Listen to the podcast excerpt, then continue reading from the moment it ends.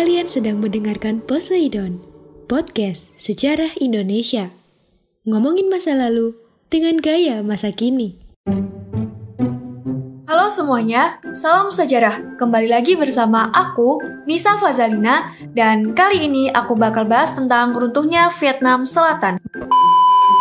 Beberapa dari kalian pasti baru tahu kan jika negara Vietnam dulu itu pernah terpecah menjadi dua, yakni Vietnam Selatan dan Vietnam Utara. Oh iya, fakta menarik lainnya kalau kalian pernah menonton film Rambo First Blood Part 2, The Sum of All dan We Will Soldier yang katanya sih merupakan film propaganda Amerika Serikat untuk menutupi kekalahannya dalam Perang Vietnam. For your information, Perang Vietnam yang berlangsung selama 20 tahun, tahun 1955 sampai 1975, merupakan bentuk nyata dari perbenturan ideologi demokrasi liberal dan komunis di masa Perang Dingin.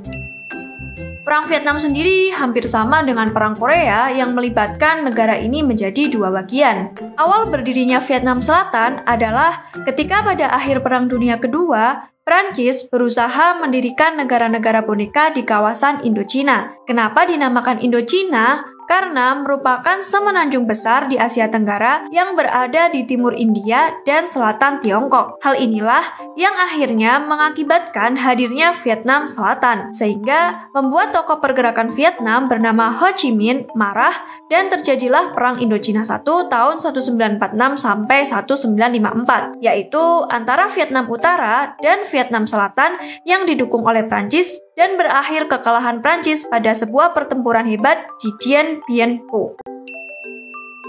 Sampai akhirnya melalui kesepakatan Jenewa tahun 1954 disepakati genjatan senjata di antara dua Vietnam ini dan ditetapkanlah garis demokrasi 17 derajat sebagai zona demilitarisasi atau zona bebas militer. Vietnam Utara dipimpin oleh Ho Chi Minh yang telah mendapatkan pengakuan dari Rusia dan Tiongkok, sedangkan Vietnam Selatan dipimpin oleh Perdana Menteri Ngo Dinh Diem dan telah mendapatkan pengakuan dari Amerika Serikat dan Inggris. Dalam kesepakatan tersebut juga dibentuk sebuah badan bernama International Control Committee untuk melaksanakan pemilihan umum yang demokratis guna menyatukan dua Vietnam. Namun, Vietnam Selatan yang didukung oleh Amerika menolak untuk badan tersebut dan Vietnam Utara lebih memilih menyatukan Vietnam dengan jalur perang. Dari situlah awal perang Vietnam yang berlangsung selama 20 tahun dimulai. Nah, selanjutnya bagaimana sih jalannya peperangan ini?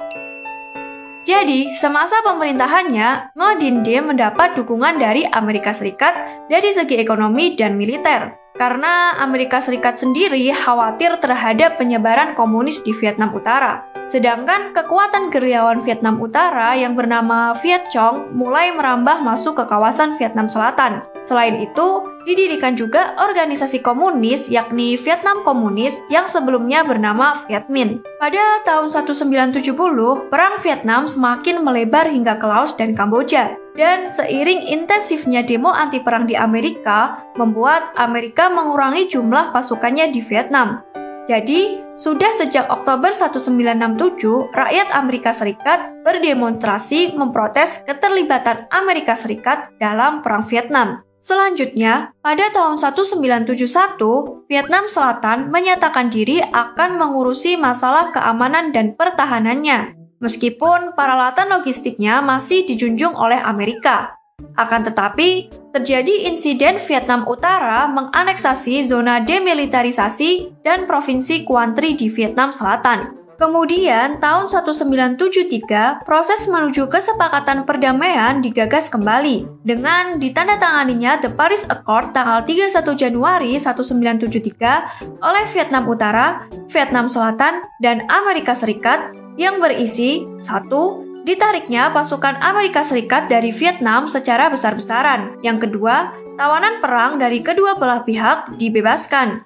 Yang ketiga, Pasukan perdamaian internasional berhak menjaga stabilitas perdamaian dan keamanan. Yang keempat, tentara Vietnam Utara diperbolehkan untuk tetap berada di Vietnam Selatan dengan syarat tidak boleh melakukan praktik-praktik koersif.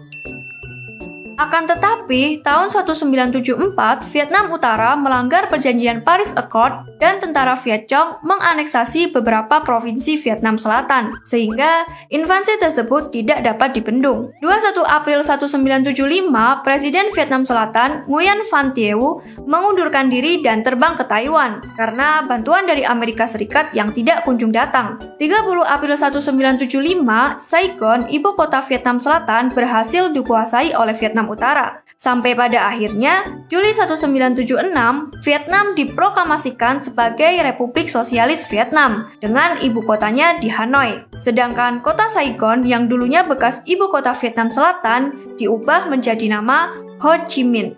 Nah, selanjutnya adalah dampak dari Perang Vietnam. Bagi Amerika, Amerika mengalami kerugian dana yang sangat besar dan banyak tentara Amerika yang jatuh. Perang ini menyebabkan menangnya perkembangan ideologi komunis di kawasan Indochina dan untuk kawasan Asia Tenggara didalangi adanya Lembaga Komunis Internasional atau Komintern yang berpola pada kaderisasi para tokoh negara atau pemuda yang dididik menjadi agen penyebaran paham komunis.